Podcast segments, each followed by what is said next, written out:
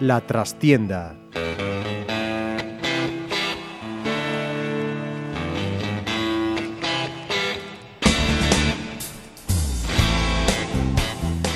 Saludos amigos, os habla Ramiro Espiño en nombre de todo el equipo. Comenzamos una nueva edición de La Trastienda en Pontevedra Viva Radio desde nuestros estudios en la calle Michelena de Pontevedra. Fin de semana para la épica, con distinto final, pero buenas sensaciones generales.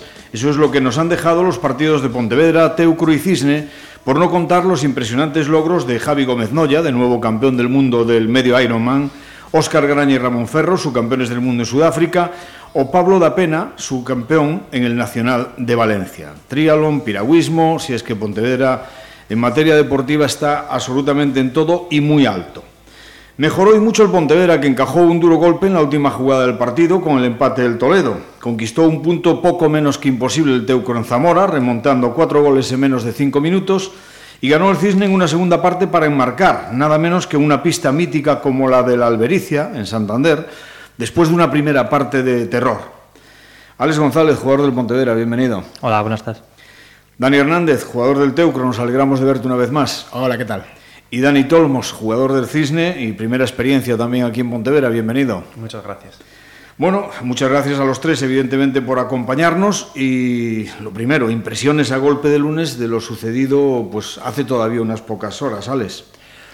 Bueno, pues las impresiones son un poco contradictorias porque se mejoró la tónica que llevaba el equipo, pero al final no se cosechó un buen resultado. Por lo tanto, son sentimientos encontrados. Sobre todo Joroba, el que se escape una victoria que acariciabais después de 25 minutos jugando con uno menos y en la última jugada del partido, porque fue marcar el Toledo el empate a tres y pitar el final.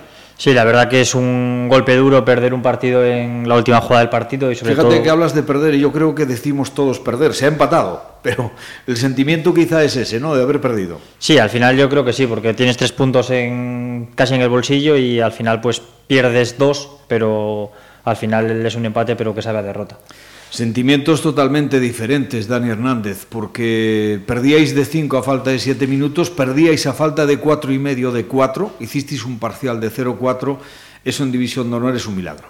Sí, es un milagro, sí. La verdad es que nosotros tenemos sensaciones eh, encontradas, ¿no? Eh, en el descanso hubiésemos apostado por la victoria, porque habíamos hecho una gran primera parte, lo único que las exclusiones, después igualó el partido, nos fuimos uno abajo y de repente la segunda parte hubo un momento que lo teníamos perdido, ¿no? Entonces al final el, el punto supo bien, pero si me lo dice, si me lo si lo preguntas en el minuto 25 de la primera parte doy el punto por bueno, si me lo preguntas en el descanso hubiese querido más, ¿no? Y para milagros el del Cisne, porque vamos, 14-7 perdiendo al descanso, eh, pérdidas de balón, falta de intensidad defensiva, todo lo que quieras. ¿Qué narices os ha dicho Jabato en el descanso para que salieseis así en la segunda? Pues bueno, nada. Bueno, De todo nada. menos bonitos, De ¿no? todo menos bonito, pero no, no. Tenía, todo lo que nos dijo tenía, tenía toda la razón. Y creo que nos valió a todos ¿no? para darnos cuenta que estábamos totalmente equivocados, que estábamos queriendo hacer cada uno la guerra por nuestra cuenta para poder remontar un partido que estaba siendo muy difícil. Y bueno, creo que fue cambiar ese chip de decir, ya peor no podemos hacerlo. Ya de aquí tiramos de orgullo, cada uno y por nosotros y por el de al lado, y salió, salió una segunda parte que, vamos, va a ser muy difícil que se repita esa, esa superioridad, ¿no? sobre, sobre todo en un campo, fuera de casa.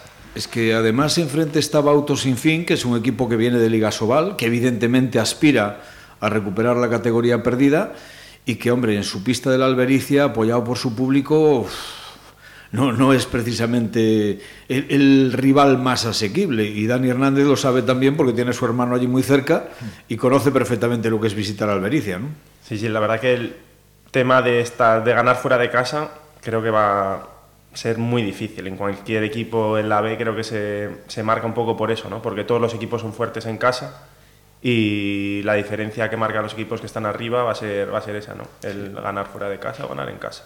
Eh, lo- Quería decir que los primeros partidos siempre son muy raros, ¿no? Siempre hay mucha tensión, siempre hay muchos nervios y a veces eh, empiezas muy mal y, y en el descanso casi lo ves perdido, no sé si fue el caso, y, y entonces ya te centras solo en el juego. Y es ahí donde se ve esa mejoría, ¿no? esas remontadas, porque cuando ya te lo das por perdido ya dices, te centras en jugar, estás más tranquilo y ahí yo creo que el cisne fue donde, donde pudo subir. ¿no? A mí me han comentado que Jabato quizá lo que os ha tocado el amor propio en el aspecto de decir, ya no os habló de remontar ni de ganar, sino de simplemente de os tocó el orgullo diciendo vamos por lo menos a no hacer el ridículo. Bueno, es que lo estábamos haciendo, es que estábamos haciendo el ridículo porque era, o sea, nos veías en la pista y parecíamos, o sea, andando tal, era una sensación muy rara, ¿no? Y yo creo que sí, nos tocó un poquito ahí el orgullo de todos de decir, no nos podemos ir con esta sensación. Un equipo de segunda de, de la B de plata no puede estar haciendo esto, ¿no? En un campo rival. Bueno, y, y el Deucro, empieza otra vez como un déjà vu de la pasada temporada en Zamora en la misma pista. El año pasado fatal en ataque, muy bien en defensa, pero perdisteis. Y este año quizás se cambiaron un poco las tornas, ¿no? Os costó más en defensa y mucho mejor en ataque el equipo. Sí, eh, en ataque además tuvimos mucho fallo de lanzamiento, pero las situaciones eran claras. Eh, estaba funcionando lo que teníamos planeado, lo que habíamos trabajado toda la semana, llegábamos a situaciones buenas de lanzamiento, pero es verdad que ellos su portero hizo un buen porcentaje y los nervios también te encojan un poco el brazo del, de ser la primera jornada. Pero sí, distinto, distinto al partido del año pasado. Pero... A ti no se te ha cogido el brazo, ¿eh? Siete golitos. Sí, bueno, yo lanzo siempre de cerca, entonces es, es, más fácil. Pero nosotros no nos vamos con malas sensaciones, ¿no? Hubo momentos muy buenos y, y la verdad es que nos falta conjuntarnos. Los, tenemos cuatro fichajes, eh, cinco con Samu, pero son puestos muy importantes y, y es por donde pasa el balonmano, ¿no? Entonces estamos convencidos de que vamos a ir a más todavía. ¿no? Quizá lo que tuvo sobre todo el equipo fue personalidad, ¿no? porque Velázquez hubo momentos en los que estaba en todas, para bien y para mal, pero no dejaba de intentarlo.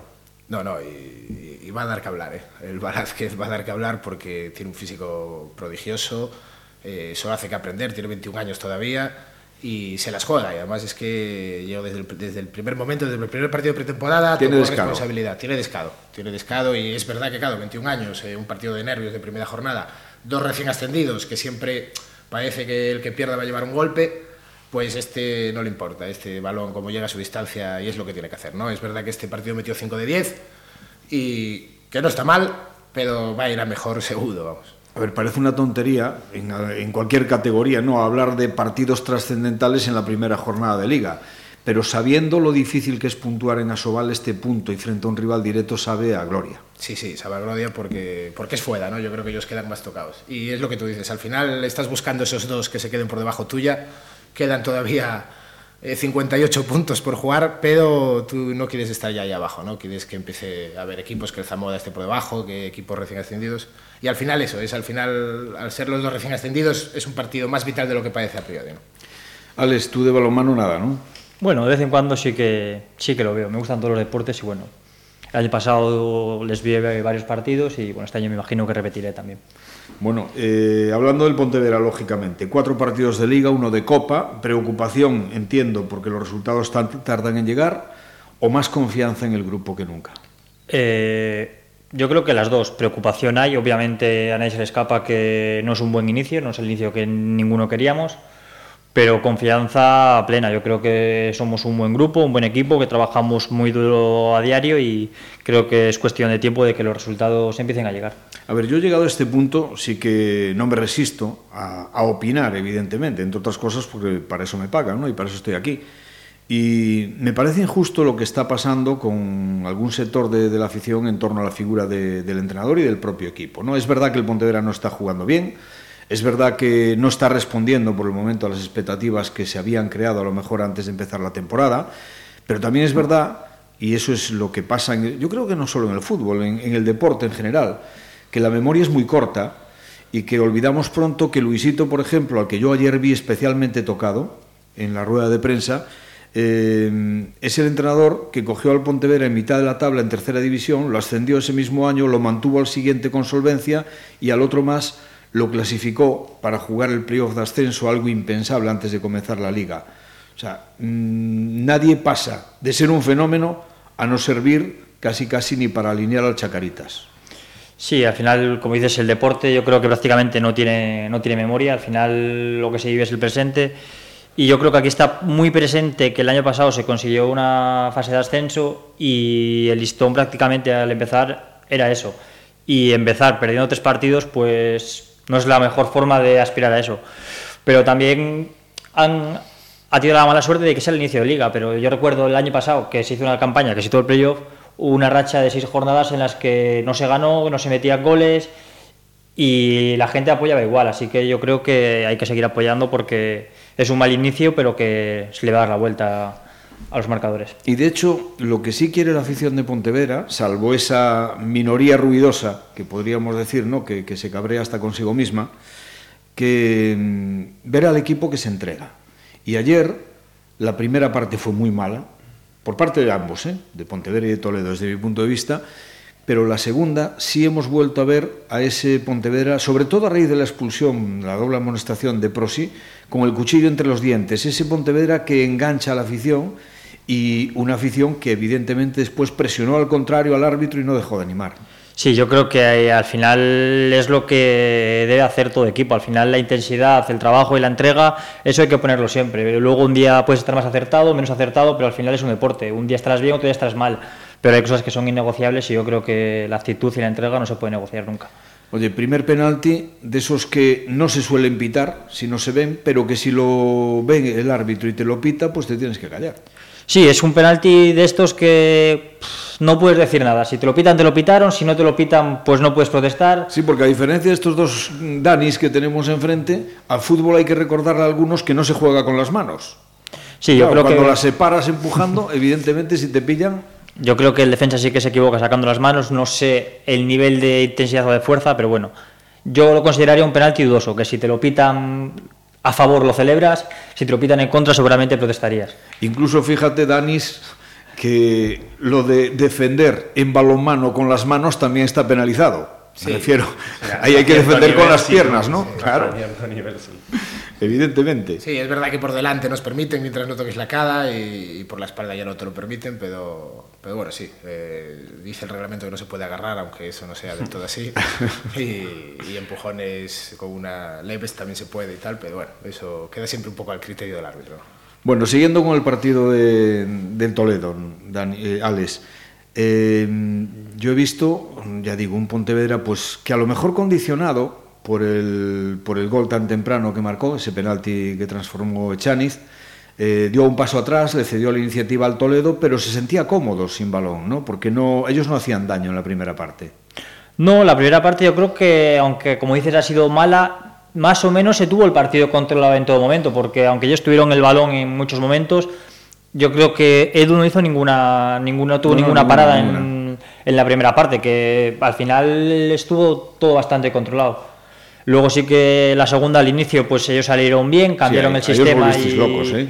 Y durante cinco minutos pues se adelantaron en el marcador, fueron dos buenos goles, pero bueno, y luego pues bueno, yo me quedo también con la reacción que tuvimos, que con el 1-2 en contra, pues remontar un partido y ponerte 3-2 otra vez no es fácil, y tuvimos la suerte de hacerlo bastante rápido, porque si no se hubiese hecho muy largo el partido. Esa es la rabia que te da, ¿no? Porque Prosi forzó una, o vio una segunda tarjeta, a lo mejor en una jugada evitable.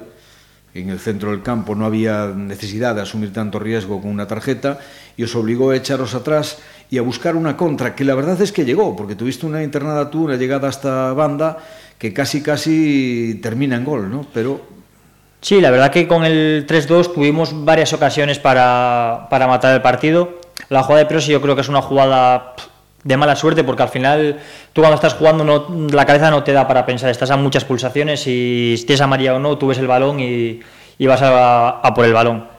Pero luego sí que es cierto que tuvimos varias, varias jugadas para haber podido matar el partido. pase tuyo Berrocal era Sí, ahí se encontró con el pie del portero que hizo una buena parada, después algún fallo ya fruto del, del cansancio, porque me parece que no, pero correr detrás de ellos con 10 al final se nota.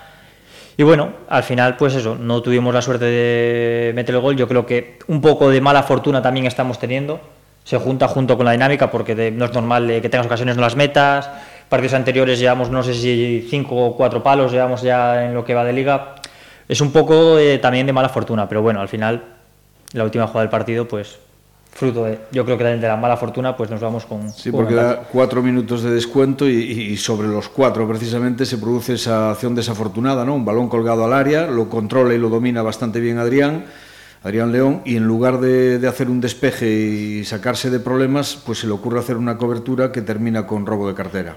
Sí, yo creo que eh, él lo hizo bien porque se anticipó la jugada. Yo creo que también le están agarrando duda entre si un compañero va a despejar, si despejar, y entre esa duda, pues apareció un contrario y, y- y metió gol. Y como dices, sí, fue. Yo creo que ayer estuve a la noche estuve viendo el partido y fue en el minuto a falta de 20 segundos. Sí. fue sacar de centro y pito final. El gol yo creo que entró justo casi cuando se cumplía el, el tiempo. Entonces, bueno, pues es un es un golpe duro, pero bueno, también hay que sacar las, las, cosas positivas, que hay cosas positivas que sacar del partido. Bueno, próximo partido fue en Labrada, en Madrid. A mí particularmente, supongo que será el domingo por la mañana, suelen jugar a esa hora, pero no me gustan nada las mañanas madrileñas. ¿eh? Bueno, yo creo que cualquier rival y cualquier horario es un no tiene gran importancia. Al final se está viendo que es una liga muy, muy, muy igualada, porque ver los resultados y a día de hoy mandan a hacer una encuesta y nadie hace la clasificación como está ahora después de, cuatro jornadas de liga, ni queriendo. Pues el Rápido de Buza está haciendo un inicio muy bueno, lleva 10 puntos, el tercero lleva 9 puntos, que a priori, en teoría, al empezar la liga, mucho les daban porque iban a estar luchando por el, por el descenso y ahora pues están allá arriba. El Castilla le casca ayer el Fabril 3-0, nada menos. Por eso, yo creo que está muy, muy, muy igualado y como te bajes un poco del 100%, cualquier equipo te pinta la cara. Bueno, Dani Hernández, Teucro. Teucro que ahora tiene, pues no es el, rival más asequible, ¿no? El Coavi Guadalajara en el municipal, la segunda jornada. Sí, bueno, ya en Asobal no hay ningún rival asequible, ¿no? Todos los que van a venir pues son equipados con unas plantillas, ha subido el nivel además de estos años. Y pues vienen hombres propios como Víctor Vigo, como Jotón Brados, como Javier García. Y, ¿Hasta pues cuándo va a jugar Jotón Brados? Pues que al nivel que está hasta que quiera, yo creo, porque sigue teniendo unos porcentajes increíbles. Eh, yo creo que, yo que soy de mirar estadísticas y tal, no recuerdo un partido donde baje del 32-33% de empadadas, así que, que no sé ni la edad que tiene, la verdad, tendrá 42 o... Me parece que incluso alguno más, no te puedo decir exactamente, pero bueno, lo de las porterías en Asobal, fíjate Javi Díaz, que también va por ahí por los 40 y muchos, ¿no? Y otro que no falla tampoco. Eso, eso es lo que tiene pasar por Pontevedra, ¿te das cuenta, Dani Tolmos? O sea, te vienes a Pontevedra, te vienes a una ciudad que te da longevidad deportiva, porque tanto Hombrados como Javi Díaz estuvieron aquí, ¿no? Sí, sí, es verdad.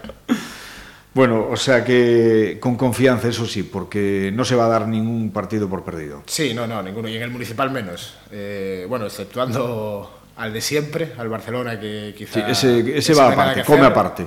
Eso va aparte, el resto de los partidos, da igual que sea Granollers, Rioja o el Logroño, que ahora viene el Guadalajara con, con tres o cuatro jugadores de máximo nivel mundial, pero a pelear, ¿no? En el municipal, si nos ganan, no, van a tener que sufrirlo, va a estar un partido igualado y, y si nos acompaña el público como, nos suele, como lo suele hacer nosotros vamos a pelear el partido seguro. Fíjate, Ademar, que es en principio el, el siguiente después de, del Barça y ha sufrido para ganar de cuatro en Cangas. Sí, Cangas es otra pista donde tienes que sudar ¿no? para, para puntuar y, y, y, también tienen esos jugadores, Mudatovic, Dani, que le dan ese nivel y Cangas se pelea con cualquiera también. Es verdad que este año está en las quinielas abajo como nosotros, pero ya verás como donde vaya la liga, en el Gatañal se van a sacar muchos puntos también. Y un David Chapela que pasó por Teucro, el año pasado estaba en Cisne, ahora en Cangas y que está dispuesto a, a seguir marcando diferencias también en sí, Asobal. Y hizo un gran partido, hizo un gran partido, yo ya lo estuve viendo y hizo una gran pretemporada también. Eh, le han dado el central y, y, la verdad que lo está haciendo muy bien como lo hizo el año pasado en el Cisne.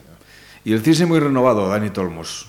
Con respecto al año pasado, mantiene evidentemente una columna de equipo, pero habéis llegado gente nueva que aporta unas características que por historia no son muy frecuentes en el Cisne. Y digo, porque normalmente el Cisne era un equipo de enanos, de correr mucho, de muchísima, mucho ritmo de juego y demás, pero obviamente no de centímetros, ¿no? Y este año, pues habéis subido el nivel en ese aspecto. Sí, bueno, los fichajes estos que hemos tenido, bueno, un poco también me incluyo, y los dos brasileños han aportado un poquito ahí de, de altura, pero tampoco tenemos jugadores muy, muy grandes, ¿no? Como pueden ser el lateral que tenía en este caso sin fin, ¿no? Que llega a dos uh -huh. metros, no, creo que ninguno pasamos del metro 95 así. Pero sí, se nota. Metro 95, oye. Bueno, sí, pero. Que, vamos, Alex González se ríe, yo también. Ya, yo cuando... Vete, ahora tú vete a, la media yo, de las plantillas con las que va a jugar aquí, Dani. Fíjate que yo cuando jugaba. Que no baja ninguno de. Cuando yo jugaba a lo mano con mi metro 80 era primera línea. Hoy, si me metía en un extremo ya iba fino, ¿no?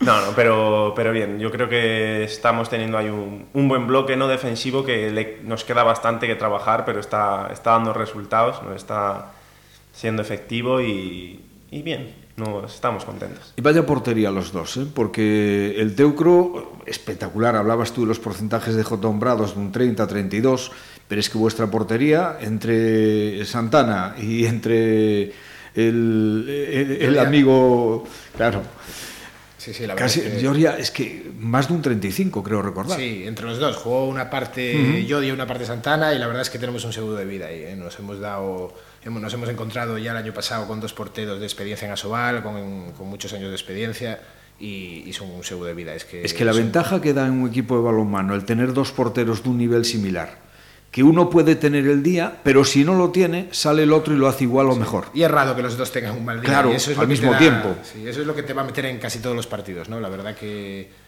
que este año y el año pasado tuvimos esa, esa jugada un partido cada uno, solo cambiaban cuando lo que estás comentando, que los porcentajes no eran los esperados, y la verdad es que es- eso es fundamental en nuestro deporte. ¿no? Y al Cisne le pasó algo igual, porque se marchó el eterno capitán Toño Lafuente, enorme él siempre, pero a mí me han dicho, Dani, que en, en Santander En Santander, Pablo la estuvo que se salió, pero cuando más lo necesitabais, que faltaban 10 minutos y el partido estaba por resolver, se lesiona con una mano, por cierto, espero que no sea nada importante, tiene que salir Juanjo Cañizares y me han dicho que ha hecho cinco paradas seguidas, pero brutales.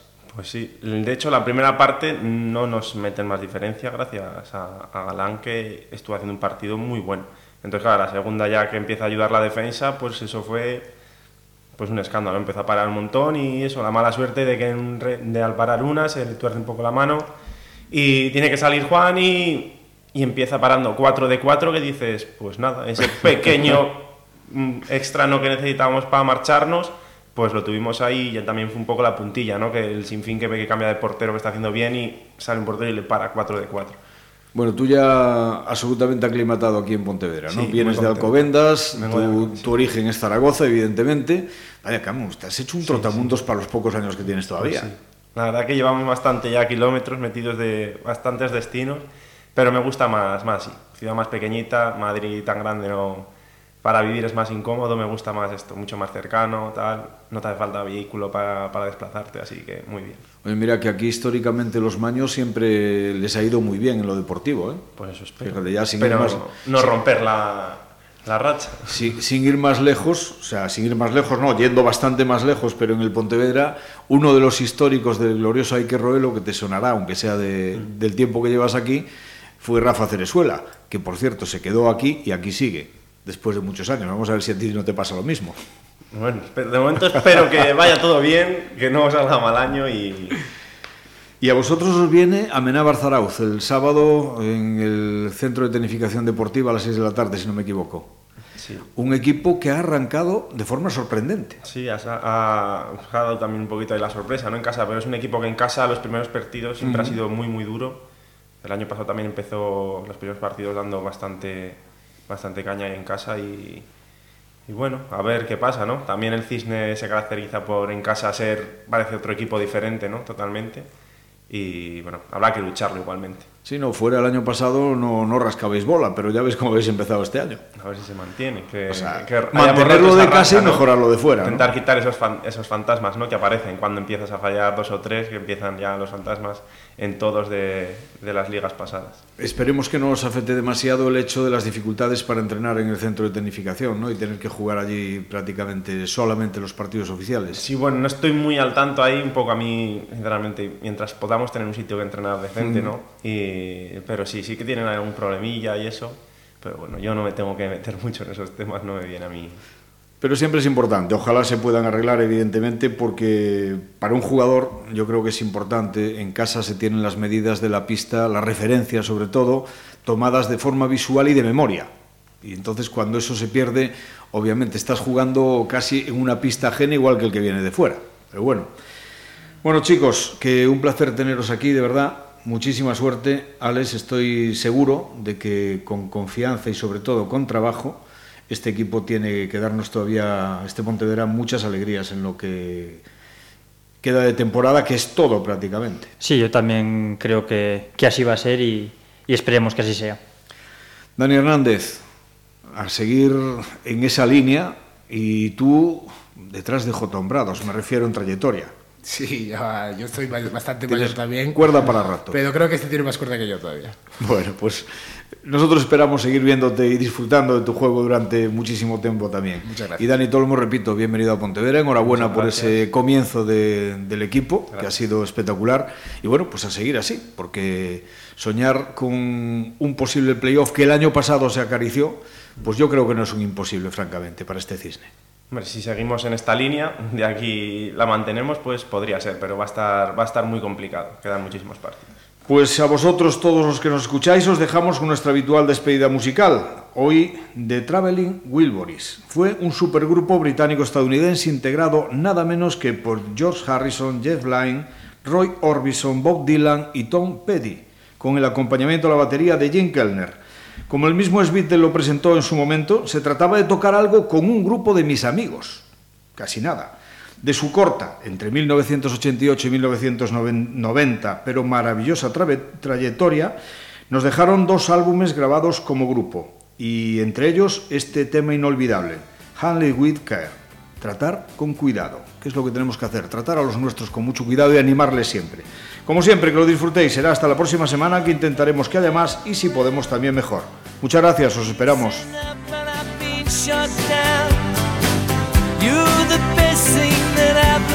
sun and only with care. Reputations changeable, situations tolerable.